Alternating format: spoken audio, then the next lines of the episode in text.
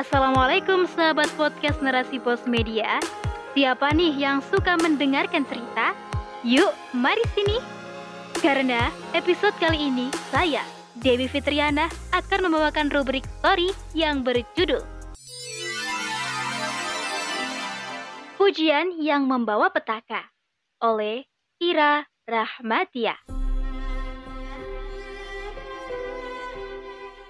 Saya ingin berbagi cerita mengenai penyakit Ain. Salah satu junior saya, sebut saja Zara. Ia adalah anak yang ceria dan suka membagikan aktivitasnya di media sosial. Ya, Zara adalah salah satu mahasiswi teknik kimia yang baru saja lulus kuliah. Ia berasal dari salah satu daerah di Sulawesi Selatan. Setelah kuliah, ia kemudian magang di salah satu perusahaan besar di Jakarta yang berlantai 30. Pada suatu hari, ia bertemu dengan teman sekampungnya di Jakarta dan kemudian temannya itu mengantarkannya pergi bekerja dan timbullah decak kagum pada Zara saat melihat tempat kerjanya semegah itu. Ditambah lagi dengan story-story keseharian Zara bekerja atau training yang dapat membuat iri teman sebayanya. Juga aktivitas-aktivitas lainnya yang tidak banyak dirasakan oleh teman seangkatannya. Tak berapa lama, Zara kembali ke kampung halamannya. Ia pun menceritakan bagaimana tempat kerjanya di Jakarta kepada orang-orang sekampungnya. Walhasil, pada suatu hari, tepatnya tanggal 16 Oktober 2019, Zara pergi makan bersama kawan-kawannya di warung yang ada di Jakarta. Pada saat itu, ia memakan ikan tongkol. Nah, di sinilah ia tiba-tiba tersedak tulang ikan. Setelah beberapa hari, tenggorokannya timbul peradangan. Ia pun pergi berkonsultasi dengan dokter yang ada di Depok. Dokter menyarankan untuk mengangkat amandelnya agar tulang ikan yang tersangkut juga bisa ikut dikeluarkan. Beberapa hari meminum obat yang diberikan dokter, ia tak merasa ada perubahan, bahkan sakit terus berlanjut. Ia pun sering batuk berdahakkan darah. Tak tahan dengan kondisi itu, ia pun meminta izin pulang kampung ke pengawas lapangannya. Akhirnya ia pulang untuk berobat di kampungnya. Setiba di kampungnya, ia diberikan obat tradisional. Selain itu, ia pun mengikuti pengobatan di berbagai pelayanan kesehatan. Namun, pada saat di endoskopi tidak ditemukan penyakit apa-apa. Setelah dua bulan di rumahnya, Salah satu temannya juga memberikan teh dari Tina yang katanya bisa menyembuhkan berbagai penyakit. Sebelumnya ibu temannya itu juga sakit kista. Namun setelah meminumnya selama tiga hari, Alhamdulillah sembuh. Namun ternyata bagi Zara meminum teh itu tidak berpengaruh apa-apa. Ia kemudian mendapat rujukan ke rumah sakit Wahidin yang ada di Makassar. Tibalah ia di sana dan dokter mendiagnosa penyakit radangnya ialah tongsil faringitis kronis. Lanjutlah, ia diarahkan lagi untuk melakukan CT scan. Ia pun menghubungi ayahnya, namun ternyata ayahnya memilih untuk menyerah. Sang ayah menyuruh Zara untuk kembali ke kampungnya saja. Pada suatu hari, salah satu kerabatnya yang sedang menuntut ilmu di salah satu pesantren menghubunginya dan menanyakan dirinya mengapa tak berada lagi di Jakarta. Zara pun menjelaskan segala apa yang terjadi. Temannya pun menyarankan untuk melakukan rukyah mandiri. Tak lupa, ia mengirimkan Zara sebuah kitab berbentuk file PDF berisi ayat-ayat rukyah mandiri. Zara pun mengikutinya perlahan-lahan.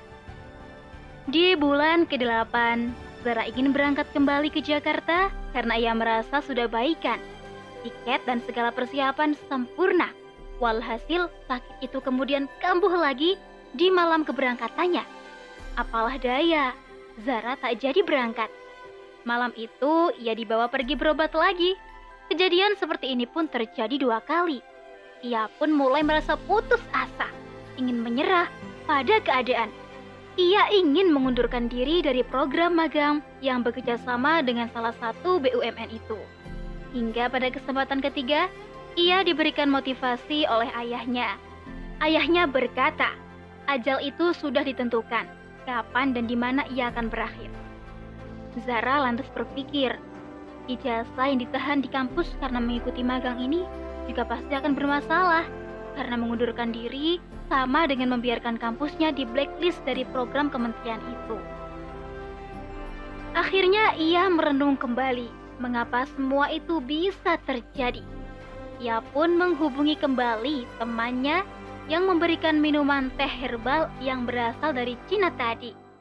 Temannya pun kemudian mengirimkan sebuah artikel tentang penyakit yang bernama Ain.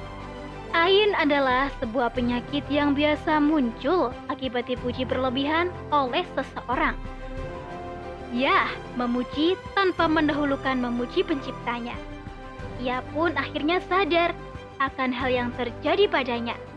Sebab beberapa waktu sebelumnya, ayahnya juga sempat memujinya di hadapan rekan kerja ayahnya. Lalu pada malam harinya, ia demam. Alhasil, ia beristirahat total di rumahnya. Juga tidak lagi mempublikasi hal-hal yang membuat orang lain berdecak kagum atas prestasi-prestasinya. Hingga pada pertengahan 2020, untuk keberangkatan ketiga, ia harus menyemangati dirinya untuk ikut. Walau belum sembuh total, ia harus berangkat dan menyelesaikan program tersebut. Setelah menyelesaikan program magangnya, ia telah sadar bahwa yang telah dialami itu sebagian akibat ulahnya sendiri yang terlalu mempublikasi segala aktivitasnya di media sosial. Postingan-postingan kerja dan wisata yang bisa jadi membuat orang lain iri. Ia memutuskan untuk rehat selama setahun dan tidak lagi mencari kerja. Ia fokus membangun hubungan kembali dengan keluarganya yang sebelumnya jarang akrab dengannya. Kemudian ketenangan kembali menghampirinya. Masya Allah. Semoga sedikit cerita ini bisa memberikan kesadaran kepada kita bahwa segala sesuatu yang berlebihan itu tidaklah baik. Mempublikasi segala hal yang tak perlu orang lain ketahui juga harus kita hindari. Kita kan banyak tuh berteman dengan orang yang tidak kita kenal di sosial media dengan pemahaman dan kondisi hidup yang berbeda-beda pastinya. Jangan sampai dengan satu postingan kita membuat orang lain merasa iri dan memuji kita terlalu berlebihan. Pada dasarnya memuji itu boleh saja, namun dahulukan memuji dia atau Allah Subhanahu wa taala yang telah memberikan segalanya kepada kita.